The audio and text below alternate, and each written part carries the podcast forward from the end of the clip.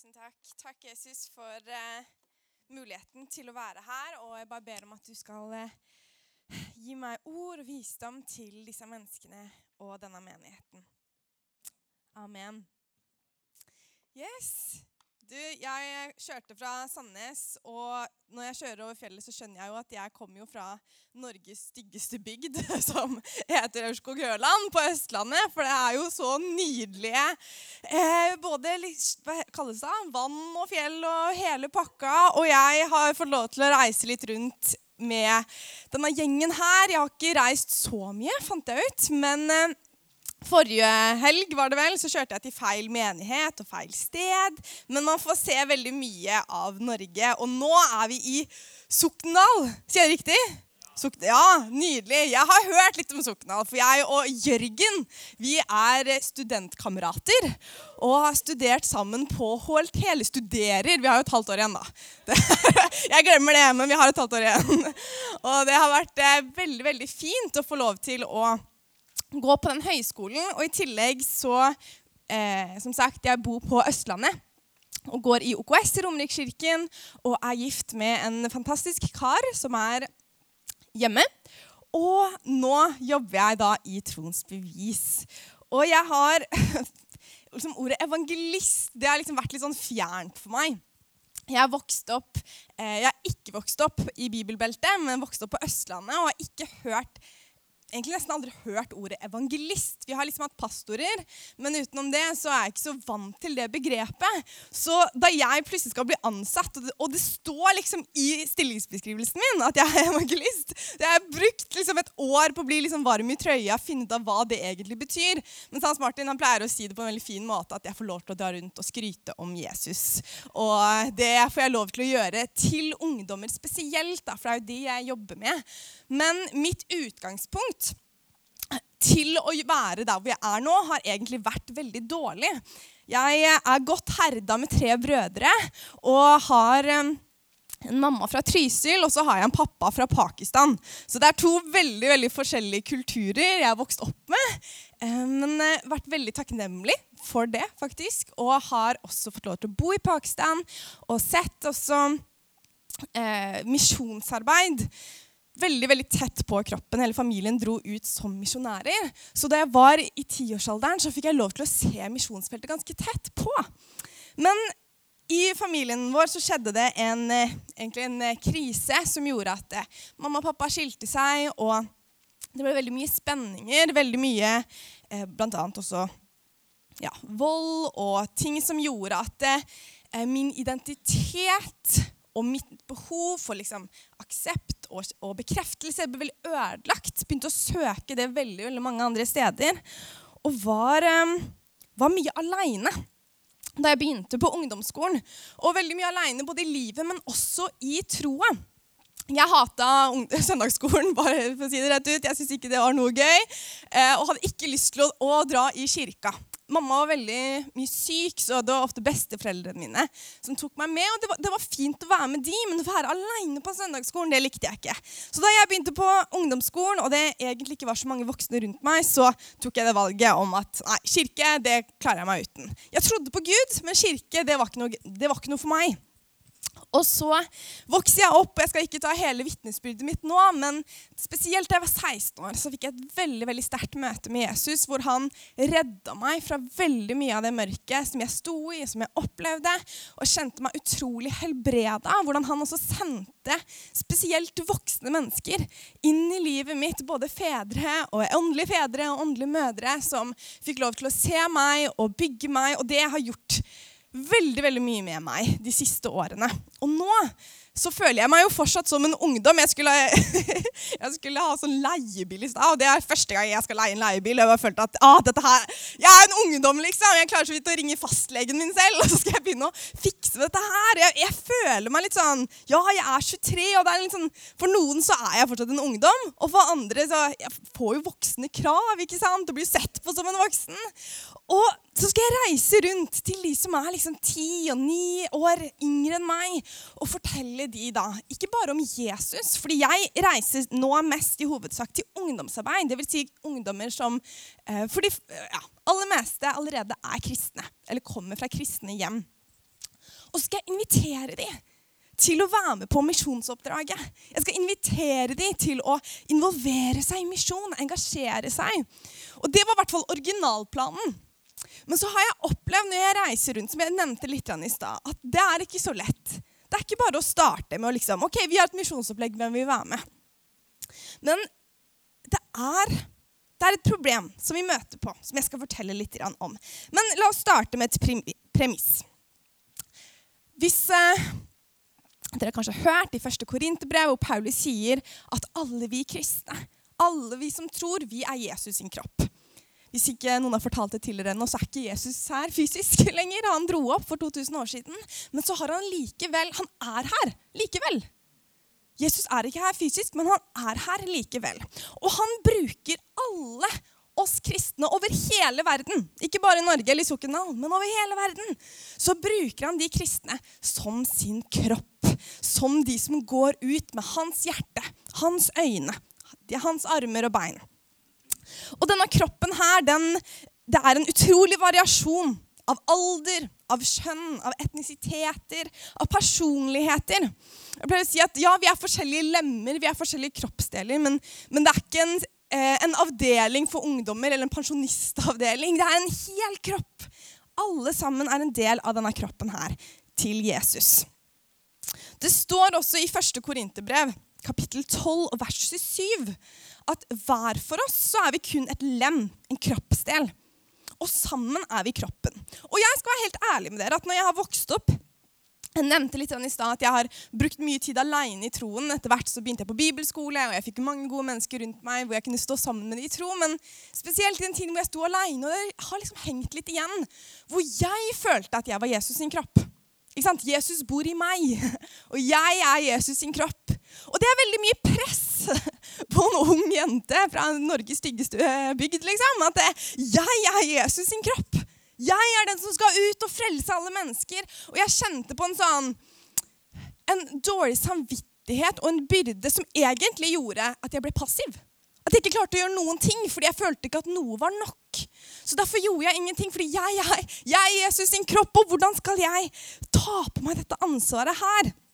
Men så har jeg begynt å lese og også forstått at det er jo faktisk ikke det Bibelen sier. Det står ikke at du alene er Jesus sin kropp, men så at vi sammen alle de kristne. Vi er Jesus sin kropp. Alle har Jesus i seg. Alle har noe guddommelig i seg. Når du, når du, sa 'Jesus, jeg vil tro på deg', så flytta han på innsida di. Du fikk noe guddommelig. Du ble en ny skapning. Du er menneskelig, og du er guddommelig. Men alle her, det er vi som utgjør Jesus sin kropp. Og jeg driver og har en mann som er veldig aktiv. Han har vært i militæret og liker å trene. og hele pakka. Han har fortalt meg, spesielt når jeg liker å ligge på sofaen, at det er viktig å bevege seg. Og spesielt nå i koronatida, hvor jeg sitter mye, merker det liksom i kroppen. ikke sant? At det, det er viktig å bevege seg. Og også, også når jeg er hjemmekontor eller vi sitter i forelesninger, på HLT, så sitter vi alltid i sånne rare stillinger. I hvert fall jeg. da, ikke sant? Jeg står opp fem minutter før forelesning og tar på meg liksom et pledd. Så sitter jeg i en eller annen rar stilling og ser på forelesning. Og hvis dere har gjort det samme, så kan dere merke noen ganger at et bein liksom plutselig sovner. Har dere merka det? Eller armen liksom, å, plutselig begynner å sovne og det begynner å prikke. Og jeg klarer ikke å konsentrere meg ordentlig. Jeg klarer ikke å gjøre noe før jeg liksom vekt det beinet litt sånn til liv igjen. Bare slå litt i det, og å, der fungerer plutselig resten av kroppen. Og jeg opplever det litt sånn når jeg reiser rundt i ungdomsarbeid og prater med ungdomsledere, at de kristne ungdommene i landet vårt det er litt som det beinet som har sovna litt. Grann som ikke helt veit hva de er en del av. Fordi problemet med den unge generasjonen er at de blir ikke lært dette her. De blir ikke vist dette her. At vi er en del av Jesus sin kropp, alle sammen. Det de blir lært, det vi blir lært, for jeg føler meg en del av den gjengen også, det er autonomi. Det betyr du er din egen herre. Det er selvstyrt. Du er herre i ditt eget liv, du i sentrum. Ingen styrer over deg. Finn din egen vei uavhengighet. Det er egentlig et veldig sånn paradoks at vi som vokser opp, vi blir lært å liksom bli mer og mer uavhengige. Men samtidig så skal vi være avhengige av Gud og av hverandre og av fellesskapet. Men det er et spesielt press på unge mennesker i dag om at du er uavhengig. Ingen kan eie deg. Og jeg merker det blant mine venner også i relasjoner, at det er utrolig mange som på godt norsk heter commitment issues, men det er vel ja, at man sliter med å, å, binde seg til andre mennesker. Binde seg til et annet menneske. Jeg gifta meg eh, noen måneder før jeg ble 21 år. Og det, det var et utrolig sjokk for veldig mange av mine venner som ikke var kristne. Hadde jeg blitt gravid, så hadde det faktisk ikke vært like sjokkerende. Men det å gifte seg det, det, er et større er liksom, Da binder man seg mer i deres øyne. Og det er sikkert mange som tenker herlighet, nå overdriver hun, men det er helt sant. Veldig veldig mange av mine venner syns det er lettere å få barn med en annen person enn å gifte seg med den personen og si at det er deg og meg resten av livet. Så det er liksom den uavhengighetstanken. Det er individet. Og ikke bare individualisme er ikke bare dårlig. Det er flott at vi kan sette fokus på at vi er unike og ulike og at individet er viktig, men det er når det er det eneste som får fokus blant de unge i dag, at du skal finne din egen vei. Jeg opplevde å måtte finne min egen vei i mange år, og det var et ekstremt herk. Det var slitsomt. Det var vanskelig, det var så utrolig mange meninger, og jeg visste ikke hva jeg skulle gå etter, hvem jeg skulle følge etter. Din egen herre. Finn din egen vei. Og det man blir vist rundt om nå kan det hende at jeg generaliserer litt, men litt sånn bredt det jeg også har sett. da. Det er at For det første så tror jeg det er veldig veldig mange ungdommer som blir latt være for seg selv. De har liksom nærmest sin egen lille gudstjeneste eller kirke på, på fredager eller lørdager. og er, Jeg er veldig for ungdomsmøter, det er ikke det. Men, men, så er de aldri involvert i noe annet. De møter aldri de andre menneskene i kirka, eller de eldre eller de voksne. og og man blir litt sånn sin egen sekt eller sin egen gjeng litt sånn borti hjørnet. Litt sånn borte på kroppen. Litt der borte. Hvor ingen egentlig ser de eller tar tak i de. Og jeg tror at det veldig ofte handler om at veldig mange voksne har den janteloven. Litt sånn hviskende opp i hodet. Ja, men hvem er jeg? Og man skal ikke være til bry, og man skal jo la de unge få plass. Og jeg tror at det er en annen grøft også. Absolutt. At det fins menigheter og steder hvor de unge menneskene ikke får plass. Og som Hans Martin sa, flott å se så mange barn på møte og unge mennesker her. Men, men flere steder så ser du det at det ikke er plass til de unge. Det er ikke plass til deres måte å uttrykke seg på eller deres måter å gjøre ting på. Så du har liksom begge grøfter med at enten at de ikke får plass, eller at det er um, at de ikke får for mye plass, men det er ingen som tør å ta i dem. Ingen som tør å ta tak i dem. Du får liksom holde deg til din egen, egen gjeng. Og så er det den andre tingen som jeg også opplever. Det er at unge mennesker man tror som voksen at man ikke kommuniserer noe. Og nå, Jeg blir sett på som voksen i det ungdomsarbeidet som jeg er leder i. og Jeg, jeg er ikke ungdomspastor der, men jeg er med og hjelper til i det ungdomsarbeidet i OKS. Og jeg blir sett på som en voksen, en veteran i det ungdomsarbeidet. Gammel kar. Og det som er veldig fascinerende, er å, å se hvordan vi eldre, dvs. Si vi som er 22 og 23 år Det vi gjør, det kommuniserer veldig mye til de, til de yngre. Vi eh, har en sånn greie hvor vi liksom, å, vi har musikk, og, og, så sitter det liksom folk litt sånn som dere ikke sant? Sånn bak der ikke sant? og tør ikke å komme helt fram. Og, og så har vi litt sånn, eh, en hoppesang, da, som vi kaller det. Hvor vi er sånn, å, alle kommer fram, og dette var jo før og etter restriksjoner. Men man kommer opp og fram og hopper og har det gøy sammen. Og de ungdommene de kommer ikke fram hvis ikke vi gjør det. Og det har bare vært sånn det er et veldig enkelt eksempel. Når vi drar de med, når vi går fram og vi har det gøy Det var sånn periode hvor vi bestemte oss for at vi skal ikke tvinge noen fram. Men vi, gjengen på liksom 22, 23, 24 år, vi hopper foran. Vi har det gøy. Og så ser du at folk begynner og komme fra møte etter møte. Fredag etter fredag så begynte flere og flere av ungdommene å følge etter. Det samme med bare den velkomstkulturen. ikke sant? Det vi gjorde, det så ungdommene også etter. Men det vi også ikke gjorde, det kommuniserer det også.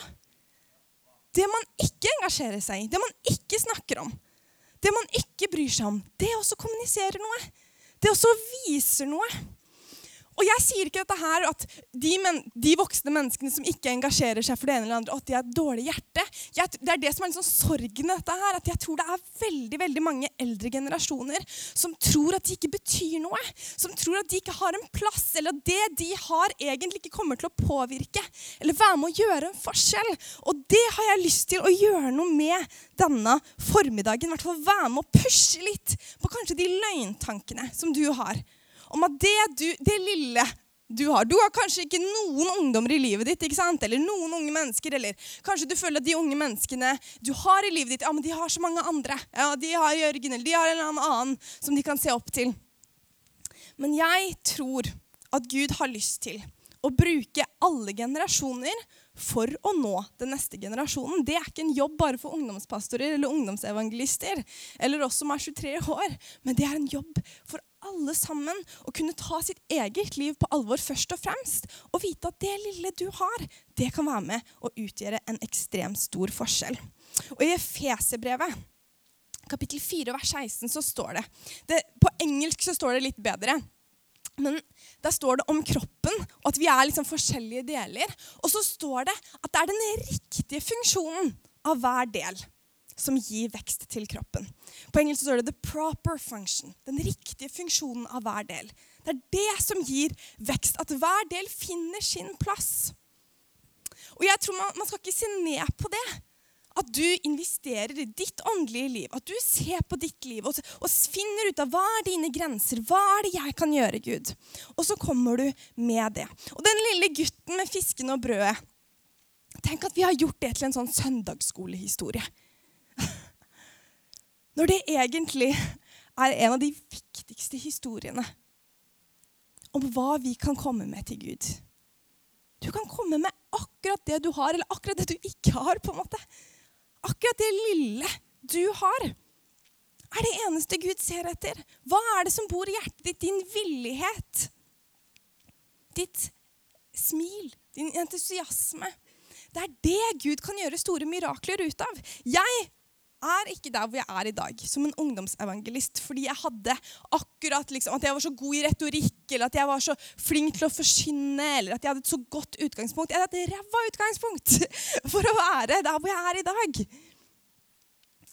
Og likevel så hadde jeg noe i meg som sa at vet du hva, Jesus, hvor enn du går, vil jeg gå. Og det var nok for han. Det var nok for han til å ta meg inn på den veien hvor jeg går. Og det handler ikke bare om å bli en evangelist. Jeg synes at Mannen min han eh, driver med noe så verdslig som business og økonomi. og jeg har brukt, den eh, brukt det eksempelet noen ganger før med at eh, jeg blir sett på som en som er i fulltidstjeneste. Hans Martin blir sett på en som er i fulltidstjeneste, eller en pastor eller en misjonær. Og at de tjener Herren på fulltid, ikke sant, sier man. Og jeg tenkte ikke så veldig mye over det før jeg innså at mannen min blir ikke betegna som en som er i fulltidstjeneste. Men det var jo ikke noe forskjell på hjertet mitt og hjertet til mannen min. Vi sa jo begge to til Gud vet du hva, vi elsker deg, Gud. Her er livet vårt. Her er livet mitt. Gjør det du vil. Og så er det jo Gud som har leda oss inn på de forskjellige veiene. Så er det Gud som har leda mannen min inn i økonomi og inn i business. Hvor han kan ta med Jesus sine øyne, Jesus sitt hjerte, Jesus sin kjærlighet og være et lys der. Og Jeg tror ikke Gud ser på livene våre og tenker at så er hun er favorittjenta mi. liksom, Og så får Simon han får ta, han får ta det andre greiene òg, da. Det er fint, det. Nei, jeg tror han er like stolt av oss begge to, og at han kan bruke oss like mye. Så jeg har ikke lyst til at du skal se ned på, på en måte, arbeidslivet ditt, hjemmet ditt, familien din eller det lille du opplever at du har. Jeg er så overbevist om at det er akkurat det Gud kan gjøre store mirakler ut av. Tenk på de der ute som vi har sett litt videoer av, historier som Hans Martin har fortalt. Tenk så dårlig utgangspunkt de har. Tenk så utrolig dårlig utgangspunkt de har for å tjene Gud. For å være en forskjell. Men likevel så bruker Gud de. Han bruker mennesker som har vært med på, på å kaste dritt på evangeliet. Han bruker mennesker som eh, ikke hadde hørt at Jesus var en, en, gud, eller at han var en person engang. Trodde han var en fyr i nabobygda. Og så kan Gud bruke de menneskene. Og jeg har en bønn til dere som sitter her i dag, at vi har en hel generasjon av unge mennesker som vokser opp uten å høre om dette her. Uten å bli vist dette her. Fra de menneskene som har gått noen år lenger. De eldre som har hørt om misjon helt fra de var liten, eller som har dette her dypt i hjertet. Og jeg har lyst til at vi skal bryte litt sånn jantelovbokser og være med å skinne dette lyset litt lenger. Og være med å vise fram på den troen. Og det betyr ikke at du må gå rundt og prate med Jesus med hver eneste person du møter. Kanskje det handler om den vennen til datteren din. Eller den familien som bor i nabohuset. Eller barnebarna. Eller barnebarna til en venn. Fordi de følger med. De trenger mennesker å se etter. For det med autonomi, det med at eh, ingen kan styre over livet ditt, og du er helt uavhengig og helt nøytral, det er en myte. Det, det finnes ikke, fordi vi blir alle påvirka av noe. Vi har alle noen herrer eller noen mennesker som leder oss, eller noen ideologier som leder oss i forskjellige retninger. Så vi må bare velge hva er det vi har lyst til å følge etter. Men så har du en hel generasjon som ikke har noen referansepunkt som enten ikke har fått en plass, eller fått så mye plass at de ikke har peiling på hvor de skal gå. Ingen som leder dem i en retning. Ingen som tør å ta tak i dem. Ingen som tør å se dem. Fordi vi har kanskje voksne mennesker som ser ned på seg selv, eller ser ned på det lille de har fått. Men jeg veit at de trenger dere. Jeg trenger dere. Vi trenger dere. Vi trenger alle generasjoner, alle eh, personligheter til dette oppdraget her. Fordi vi har tre milliarder mennesker som ikke har fått muligheten til å høre om Jesus. Og jeg er veldig veldig overbevist om at Jesus, når han hadde lyst til å nå de, når han har lyst til å nå de, så ser ikke han for seg at kroppen sin skal være amputert. Eller løpe rundt med noen krykker. Fordi det er en ung generasjon som ikke, ikke henger med eller som ikke har peiling på hva dette her handler om. Så min jobb er litt sånn tosidig. med at Vi vil nå disse her, men vi trenger å få med oss generasjonen i Norge. Vi må reise opp hele landet vårt. Engasjere hele landet vårt. Helt til slutt. Nåden, den er et viskelær som visker bort fortiden din, som visker bort det gamle kan fortsatt sitte i deg på forskjellige ting, men i Guds øyne så er du en helt ny skapning. Nåden, det er en linjal som rettleder oss. Som, så at Gud kan oppdra oss og veilede oss. Men så tror jeg også at nåden er som noen fargeblyanter. Okay, du har fått et helt nytt ark. Et helt nytt liv. Du har fått noen linjaler til å liksom Ok, dette her er rammene dine. Og så har du fått noen fargeblyanter. Du har fått et nytt byggemateriale. I første Korinterbrev, kapittel 3, vers 10-15 Jeg skal ikke lese de versene nå, men så sier Paulus at han bygde som en vis byggmester. Og så prater han om to forskjellige byggematerialer. Om gull og sølv og edelstener. Og, så tre og halm. Og, og så sier han at det, det kommer en ild og for meg så betyr det egentlig bare døden. ikke sant? En gang så ender livet. Og hva er det som står igjen? Og jeg opplever selv at man kan bli så fokusert på det livet her og nå. Alt fra hva jeg skal ha på meg, til å komme inn på boligmarkedet, eller hva slags bil jeg skal ha, eller å, på tide med hytte, ikke sant? eller å, det, den utdanninga, eller den jobben, eller de familieselskapene, eller å, sånn og sånn og sånn, de programmene. Og så blir man så opptatt av det livet her og nå. At man skjønner ikke at man har begynt å, hva slags byggematerialer man har begynt å bygge livet med. Det, det kan være fine ting her. Det er ikke at man ikke skal engasjere, liksom, ikke bry seg om det.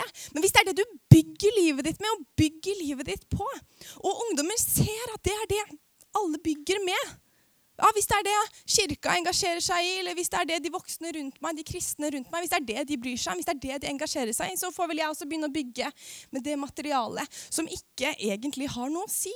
Som kommer til å brenne opp.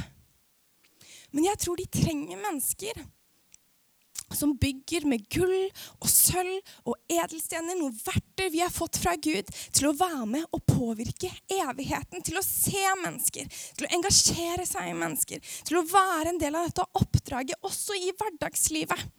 Det går an å ha to tanker i, sam hodet samtidig. Jeg håper dere skjønner det, men jeg har bare lyst til å oppmuntre dere. Det er en oppmuntring og ikke en formaning, men oppmuntring til at det er unge mennesker. Og ikke på unge mennesker, men mennesker generelt, men så tenker jeg spesielt på unge mennesker som ser på livene deres. Og at dere kan være med å påvirke så mye mer enn dere tror. Så tenk på hva slags byggemateriale. Hva er det livet ditt plutselig dreier seg om? Hva er, det, hva er det du blir opptatt av? Hva er det du bygger livet ditt på og med? For det er mennesker som kommer til å følge med og se på det. Og det er en oppmuntring. Og vi har fått nåden igjen. Det er et viskelær. Det er en linje. Gud hjelper oss opp igjen og, og, vil snakke til deg. Og Jeg skulle gjerne hatt en liste her med alle tingene om at dette her er Betania-sokken og dette her er oppskriften deres. liksom. Dette er det dere kan gjøre. Men det er ikke sånn det fungerer. Jeg tror at Gud og Den hellige ånd har lyst til å tale til hver enkelt. Nå skal vi ha eh, litt forbønn. Så eh, jeg skal avslutte møtet, så de som skal eh, ha litt sang, kan komme opp. Og så skal det være forbedre på den siden, og så har jeg veldig lyst til å be for dere. Så hvis dere har lyst til å stå opp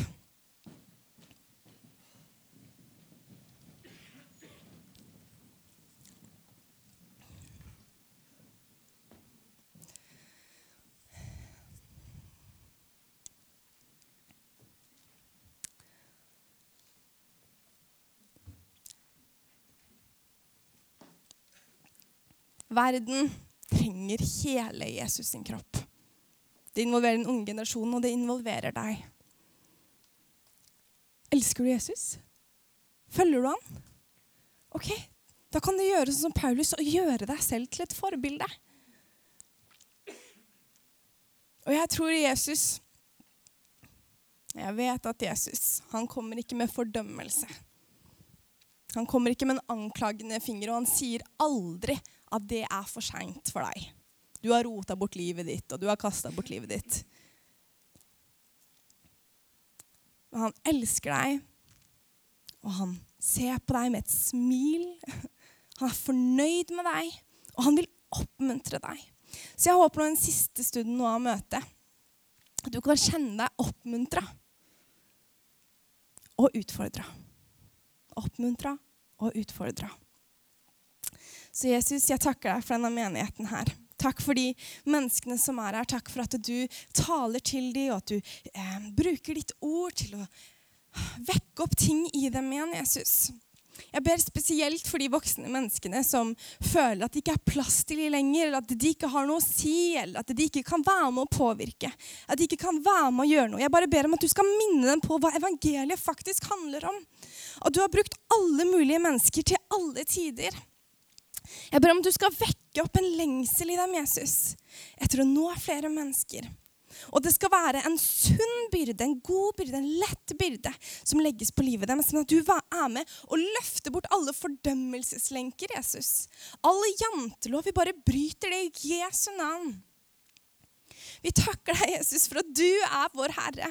Og vi vet det, Jesus, men det er en ung generasjon som ikke har fått lov til å bli vist det som har sett at vi følger deg, Jesus. Så hjelp oss med å ta våre egne liv på alvor, Jesus. Med å bygge med riktig byggemateriale og vise at du er vår Herre. Du er den vi følger, du er den vi vil tjene. Sånn at denne kroppen her våkner opp igjen, og vi kan nå enda flere mennesker. Sånn at alle får mulighet til å høre om deg, Jesus. Jeg ber om beskyttelse for denne menigheten. her. Jeg ber om beskyttelse for den unge generasjonen i denne menigheten. Tusen, tusen takk for at du har ledet unge mennesker hit. Og jeg takker deg, Jesus, for de menneskene som har kjent det ekstra på å være med å investere i de. I barna, i tweensa, i ungdommene, i de unge voksne. Jeg ber om at du skal gi dem mot, Jesus. Vi takker deg for det i Jesu navn. I Jesu navn. Hmm. Amen. Hvis du ønsker eh, noe mer forbønn, så kommer det til å stå mennesker der. Vær så god.